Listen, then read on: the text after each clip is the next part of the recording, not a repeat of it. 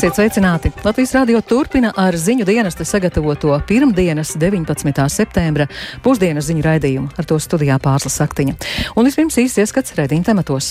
Apvienotā karaliste atvadās no aizsaulē aizgājušās valdnieces Elizabetes II ir ļoti stipri un stingri drošības pasākumi. Pārvietoties ir faktiski neiespējami. Bērnu procesijas laikā ir arī sakārtots tā, lai virs Londonas nebūtu lidojumu, lai debesis virs Londonas būtu pēc iespējami klusas. Ukrainas pretuzbrukums Helsonas apgabalā progresē, vērtē analītiķi. Можливо, зараз комусь із вас Iespējams, tagad kādam no jums šķiet, ka pēc vairākām uzvarām mums ir pieklusums, bet tas nav pieklusums. Tā ir gatavošanās nākamajai mums visiem ļoti svarīgu vārdu virknei, kam noteikti ir jāizskan, jo Ukrainai ir jābūt brīvai visai. Šī ziema varētu būt pēdējā, kad saskaramies ar Covid-19 problēmām.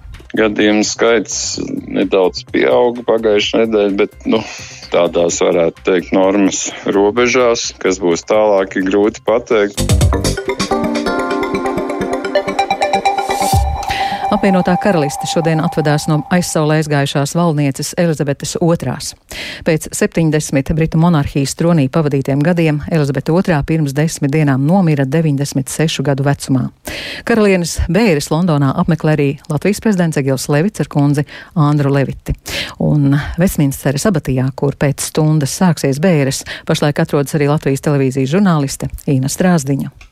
Pat labāk atrodos Londonā pie Westminsteras abatijas, kur drīz sāksies bērnu ceremoniju, lai atvadītos no karalienes Elizabetes II. Un abatijā jau pamazām ieradušies ap 2000 viesu, to skaitā vairāki simt pasaules līderi un citu karaļnam pārstāvi arī aicināt karalienes draugi viņas dzīves laikā un cilvēki, kas ir izdarījuši uh, svarīgas lietas Lielbritānijas labā. Viņi visi drīz varēs savām acīm skatīt uh, šo bērnu ceremoniju. Un notikumiem līdzi šeit seko arī simtiem pasaules žurnālisti žurnālisti, kuri ir šeit uh, Abatīs uh, rajonā un arī daudz viet citur Londonā, kur notiks bērnu procesija, ir ļoti stipri un stingri drošības pasākumi. Pārvietoties ir faktiski neiespējami, jo lielākoties centrālās ielas, pa kurām tātad būs šī bērnu procesija, jau ir slēgts kopš pieciem rītā. Un uh, ļoti daudz cilvēki, apzinoties šo situāciju, jau naktī bija ieņēmuši savas vietas ar krēsliņiem, sagām, gaidīja brīdi, kad būs iespējams piekļūt šīm pozīcijām, bet nu jau bija sagatavojušies ar uh, teju, kafiju maizītēm un cerībā, ka varēs būt liecinieki šim vēsturiskajam mirklim un uh, ieņemot vietas tādajādi nodrošinot sev šo pozīciju, tāpēc, ka ir ļoti, ļoti daudz cilvēku, kuri vēlas savām acīm redzēt šo atvadu procesiju no karalienes Elizabetes otrās.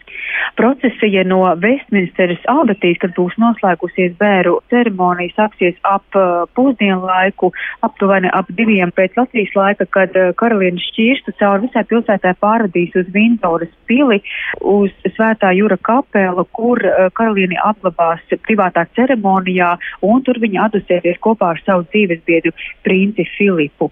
Un jāteic, ka bērnu procesijas laikā ir arī sakārtots tā, lai virs Londonas nebūtu lidojumu. Hitraus lidosta ir izdarījusi vairākas izmaiņas reisos, būtu arī vairākas aizkavēšanās, nu, pilnībā darbu nepārtrauc, taču ir gādāts, lai debesis virs Londonas būtu pēc iespējami klusas.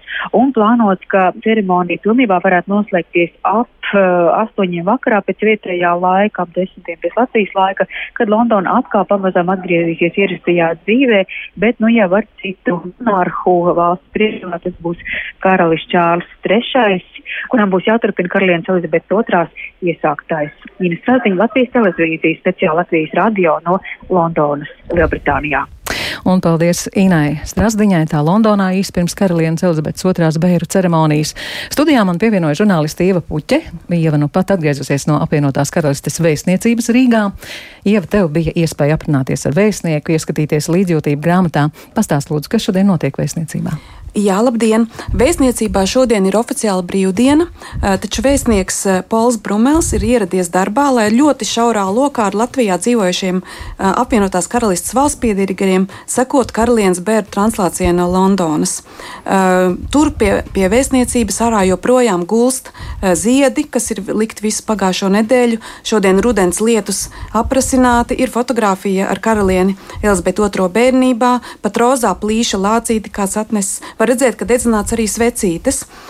Vēstnieks satiekoties izsacīja tiešām sirsnīgu pateicību Latvijas sabiedrībai un augstākajām amatpersonām par atbalstu šajā skumjā brīdī, jo viņš, eh, visa viņa diplomātiskā karjera, eh, kas sākās 35 gadu, pirms 35 gadiem, kad viņš pabeidza diplomātijas studijas Londonā, ir, ir bijusi ar karalieni Elizabeti II, un viņš ir bijis viņas majestātes vēstnieks, bet tagad viņam ir jākļūst par viņa majestātes vēstnieku.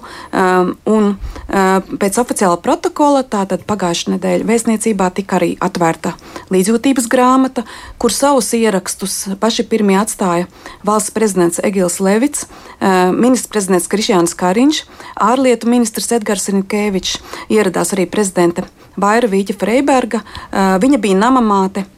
Viņas majestātes valsts vizītē uh, 2006. gadā. Taču ir arī mm, ieraksti no skolēniem, no, no vienkāršiem sabiedrības locekļiem. Šodien šī grāmata jau ir slēgta. Mm. Tu ieskatījies, dabūji ieskatīties tagad? Jā, jā, es ieskatījos. Un ko tur raksta? Uh, es uh, tikko esmu no turienes atskrējusi, uh mhm. -huh. es sapfotografēju vairākus ah. ierakstus, un tālākajos ziņu um, izlaidumos būs iespējams klausītājiem dzirdēt, ko piemēram karalienei ir veltījis mūsu valsts prezidents. Paldies, Ieva! Paldies! Uz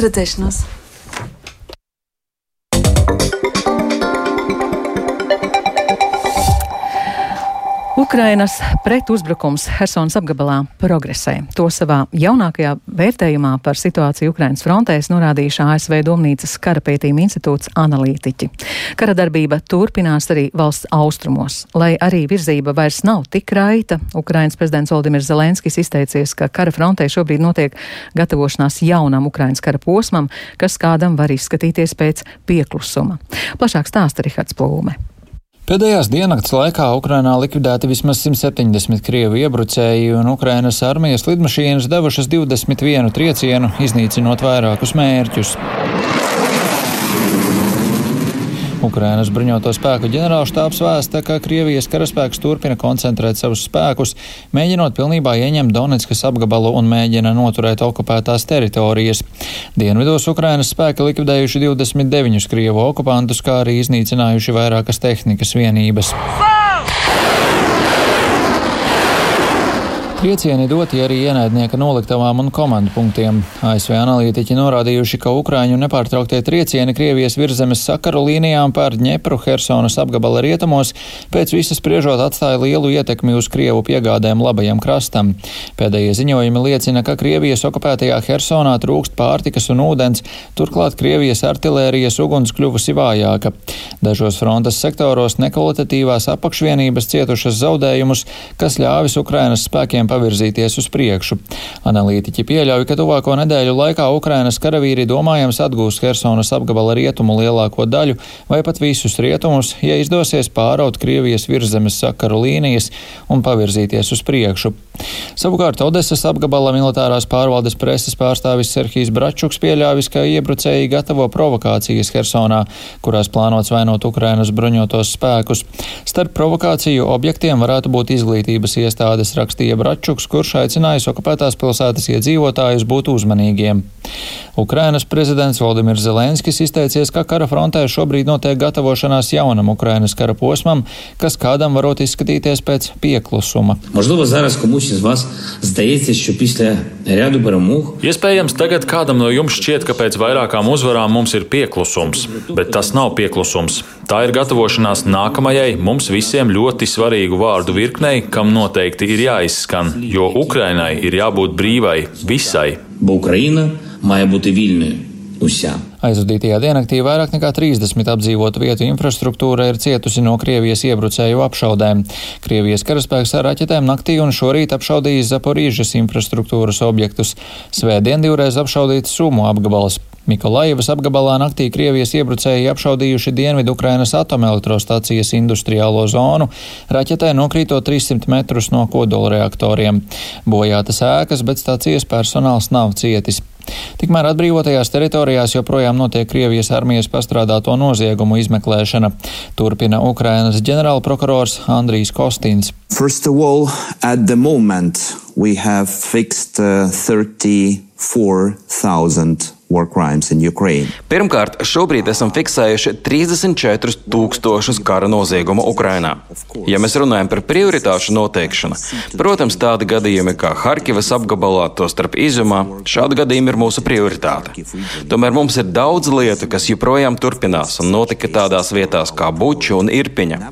Un visas viņa īstenotās apšaudes un visu civilo objektu iznīcināšana Ukrainā arī tiek fiksētas un pēc tam arī izmeklētas also investigated. Kostins sacīja, ka kara noziegumu izmeklēšanas rezultātā var tikt izvirzītas apsūdzības genocīdā pret Krieviju, un ģenerāla prokuratūra ir nepārtrauktā saziņā ar starptautisko kriminālu tiesu.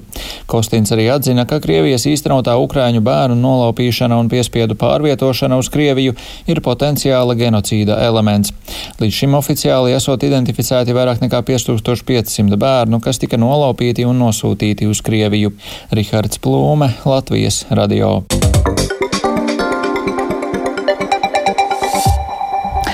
Pedagoģu streiks nenotiek, un arī Daugaupils skolās šodien mācības ierastajā ritmā, neskatoties uz to, ka vēl piekdienu kuplus skaits skolotāju un pirmskolas izglītības darbinieku bija gatavi streikot.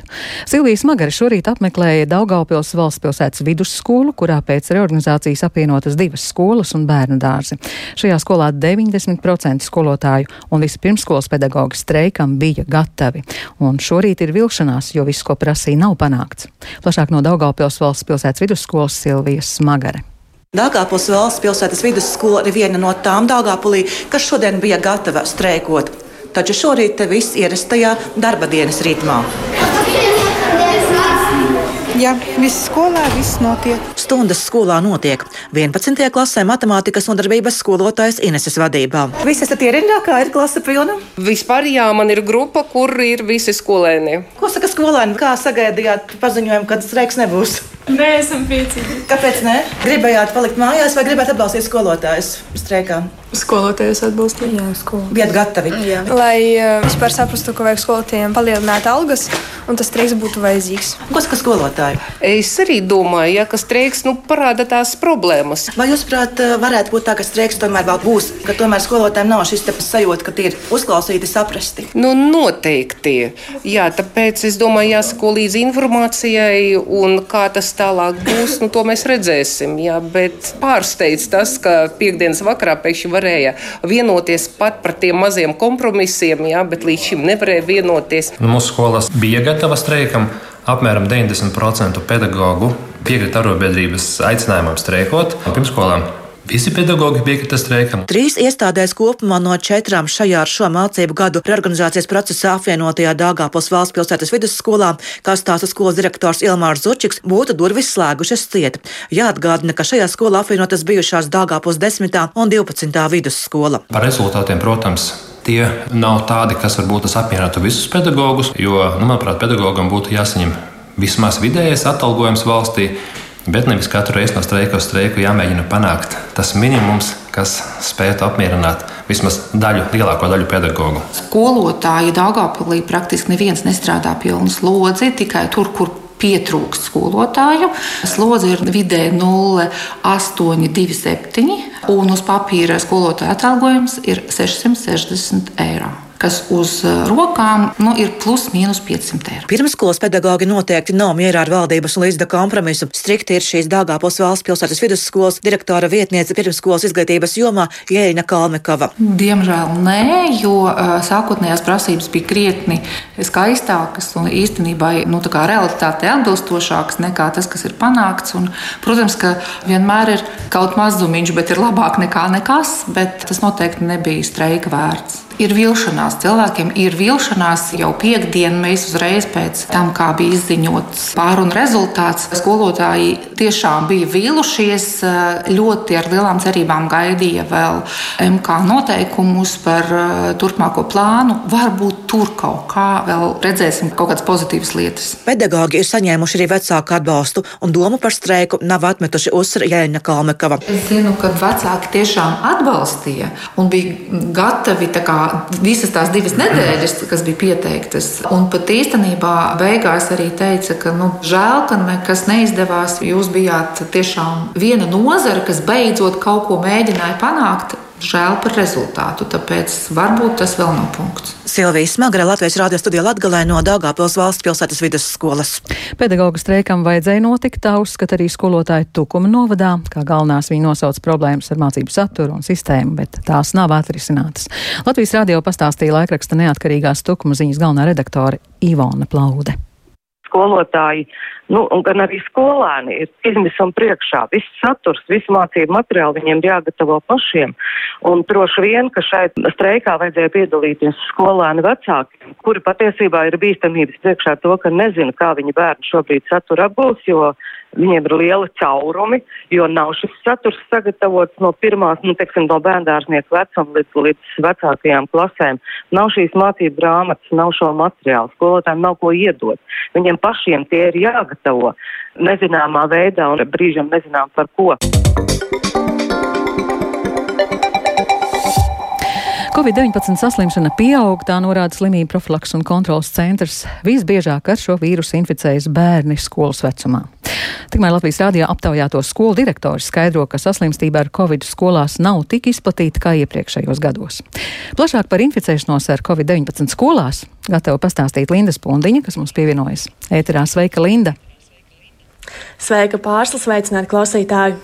Linda, pastāsti, lūdzu, vai skolās daudz bērnu slimo ar covid? Ko tu noskaidroji? Kā mēs visi zinām, līdz ar skolas sākšanos dažādas infekcijas slimības izplatās straujāk, tāpat kā jau pēdējos gados ar inficēšanās ar covid-19. Pagājušajā nedēļā covid-19 saslimšanas gadījumu pieaugums ir par 48%, salīdzinot ar nedēļu pirms tam, tā man skaidroja slimību profilaks un kontrolas centra epidemiologs Jurijs Perevoščikovs.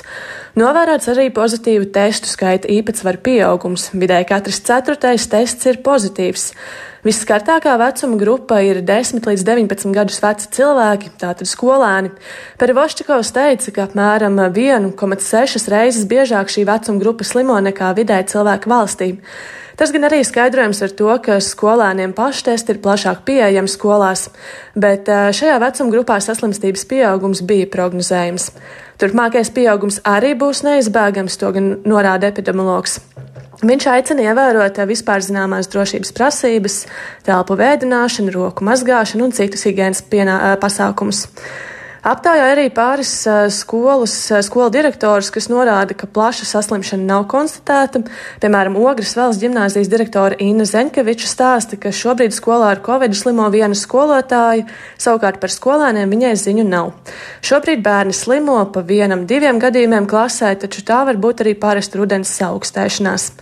Skola ir gatava cīnīties ar vīrusu izplatību, ja tas būs nepieciešams, saņemtas rekomendācijas no slimību profilaks un kontrolas centra. Tāpat regulāri bērniem, kam ir saslimšanas simptomi, lūdz doties pie skolas medmās un, ja nepieciešams, veic ātros COVID-19 testus. SPKC pagaidām nekādus plašus ierobežojumus nerekomendē, drīzāk iesaka skolām pieņemt individuālus lēmumus atkarībā no situācijas. Pirmkārt, skolēniem, kas bijuši kontaktā ar covid-19 slimnieku, veikt paštestus 4. un 7. dienā pēc kontakta un novērot veselības stāvokli. Ja kāds ir saslimis, doties mājās un ievērot citus pasākumus, par kuriem mēs jau labi zinām. Pārsla! Paldies, Linda, pagaidām un turpinājumā mēs klausīsimies interviju. Šī ziema varētu būt pēdējā, kad saskaramies ar covid-19 problēmām. Piesardzīgi paredz infektologs Pauls Stradiņa Kliniskās universitātes slimnīcas ārsts Uga Dumpis. Slimnīcā saslimušo skaits nedaudz pieaug, taču tas ir normas robežās. Izplatoties covid-19 omikrona variantam, saslimšanas gadījumu skaits varētu palielināties, bet tas īpaši veselības aprūpas sistēmu neietekmētu, kā tas bija pērn. Un ar infektologu sarunājās Linda Spundiņa. Kāda šobrīd ir situācija ar covid-19 saslimstību? Mēs neko sevišķi neesam novērojuši Stradiņas slimnīcā. Gadījumu skaits nedaudz pieauga pagājušajā nedēļā, bet, nu, teiksim, ir tādās, varētu teikt, normas robežās, kas būs tālāk, ir grūti pateikt, bet nevajadzētu būt tā, ka tam vilnim vajadzētu būt ļoti lielam. Nu, šī varianta. Kā šorudenī spauž slimības gaita? Nu, tas ir omikrona paveids. Līdz ar to šī infekcija reti izraisa plaušu karsoņus. Tātad vairāk šis vīrus var provocēt tātad sirds asinsvadu slimības kroniskiem slimniekiem, tātad dažādi infarkti, insulti, citas nopietnas komplikācijas. Tāpēc riska faktors viennozīmīgi ir cienījams vecums. Un tad vēl ir pacienti ar imunsupresiju, kuriem šī infekcija var izraisīt nopietnas problēmas un var arī chronizēties. Kā tās ir divas grupas, kuras mēs redzam slimnīcā visvairāk un kuriem noteikti būtu jādodas vakcinēties. Nevakcinētiem tieši arī šis omikrons var izraisīt nopietnu slimību, un kas ir nevakcinētiem īpaši raksturīgi, ka viņi var slimot atkal un atkal. Kādu jūs paredzat ziemu, vai saslimstība varētu palielināties? Ja mēs runājam par slimības smagumu, tad viennozīmīgi nē. Ja par biežumu, tad es domāju, ka diezgan daudzi varētu slimot. Bet uh, nu, tāda situācija, ka veselības aprūpas sistēma burtiski nu, vairākām nedēļām nevarēja funkcionēt, nu tādus neparedzu. Bet nu, tas viss ir atkarīgs no vīrusu variantiem, kas cirkulē, kas būs šis nākamais. Piemēram, novembrī, decembrī visticamāk, ka varētu būt vēl viens vilnis. Un, nu, arī, protams, šis vēl nav beidzies. Tā kā grūti ir prognozēt ar šo vīrusu, bet liela daļa cilvēku ir vakcinējušies, arī pārslimojuši un vakcinējušies. Tātad viņiem ir saucamā hibrīda imunitāte, kas varbūt nepasargā pilnībā no saslimšanas, bet pasargā no smagas slimības un arī samazina šī garā covid risku. Tā kā es tomēr ceru, ka šī ziema ir varbūt pēdējā ziema, kad mēs saskaramies ar problēmām, ka nu, tas trakākais tomēr ir pāri, bet to es man jāsaka uzmanīgi, jo es tiešām nezinām, kā vīrus vēl var mainīties. Cenu pieaugums ietekmē arī komunālo pakalpojumu sniedzējus. Arvien vairāk uzņēmumu pārskata tarifus, lai tie atbilstu šī brīža situācijai. Arī Jēkabpils uguns, uh, ūdens apgādes un kanalizācijas pakalpojumu sniedzējs gatavojas paaugstināt tarifus. Un plašāk stāsta Sandra Paegļa Kalne. Sijā Jākapils ūdens sniedz ūdens apgādes un kanalizācijas pakalpojumus vairāk nekā 4,3 tūkstošiem lietotāju Jākapils pilsētā un blakus esošajā brodu ciemā. Nu pat uzņēmums ir iesniedzis sabiedrisko pakalpojumu regulēšanas komisijā tarifu projektu, kurā paredzēts ūdens tarifa palielinājums par 43%, bet kanalizācijas tarifa palielinājums par 39%. Maksu par ūdeni no decembra plānots celt līdz 1,26 eiro par kubikmetru, savukārt maksu par kanalizāciju līdz 1,73 eiro par kubikmetru.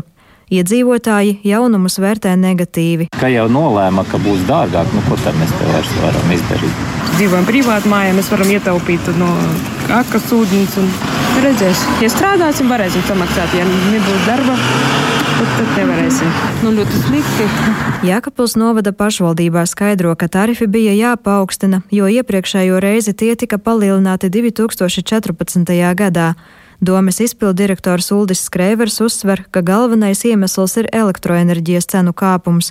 Jēkabulī ūdeni iegūst no dziļurbumiem, un elektrība nepieciešama gan ūdens sūknēšanai, gan atzelžošanai un citiem procesiem. Pirmo reizi tarifu projekts tika iesniegts 11. augustā, bet sabiedrisko pakalpojumu regulēšanas komisijas prasību dēļ projektu vairāk kārt nācās labot skaidro uzņēmuma Jēkabils ūdens valdes loceklis Artūrs Smagars. Pagājušajā gadā elektroenerģijas izmaksas bija stipri lētākas, bet regulators mums tā kā lika pārreikināt un ņemt aktuālās cenas. Artūrs Smagars uzsver, ka tarifi, kas stāsies spēkā decembrī, būs aktuāli tikai līdz nākamā gada maijam. Pirmā daļa līdz 1. maijam būs ārā valsts atbalstu, tad lētāks tarifs, un pēc 1. maija tad būs bez valsts atbalsta. Kopējais ūdens apgādes un kanalizācijas pakalpojumu tarifs Jēkabulī un Brodu ciemā no decembra līdz maijam plānots 2,99 eiro par kubikmetru, savukārt no maija 3,06 eiro par kubikmetru. Sandra Paigļkalne speciāli Latvijas radio Latgales studijai. Un ar to izskan pusdienas ziņu raidījums. Producents Edgars Kupčs, ierakstus montēja Renāša Steimanis par labskaņu rūpējās Kārlis Rašmanis, ar jums runāja pārslas saktiņa. Īsti par svarīgāko. Apvienotā karaliste atvadās no aizsaulē aizgājušās valdnieces Elizabetes II. Ukrainas pret uzbrukums Helsonas apgabalā progresē, vērtē analītiķi.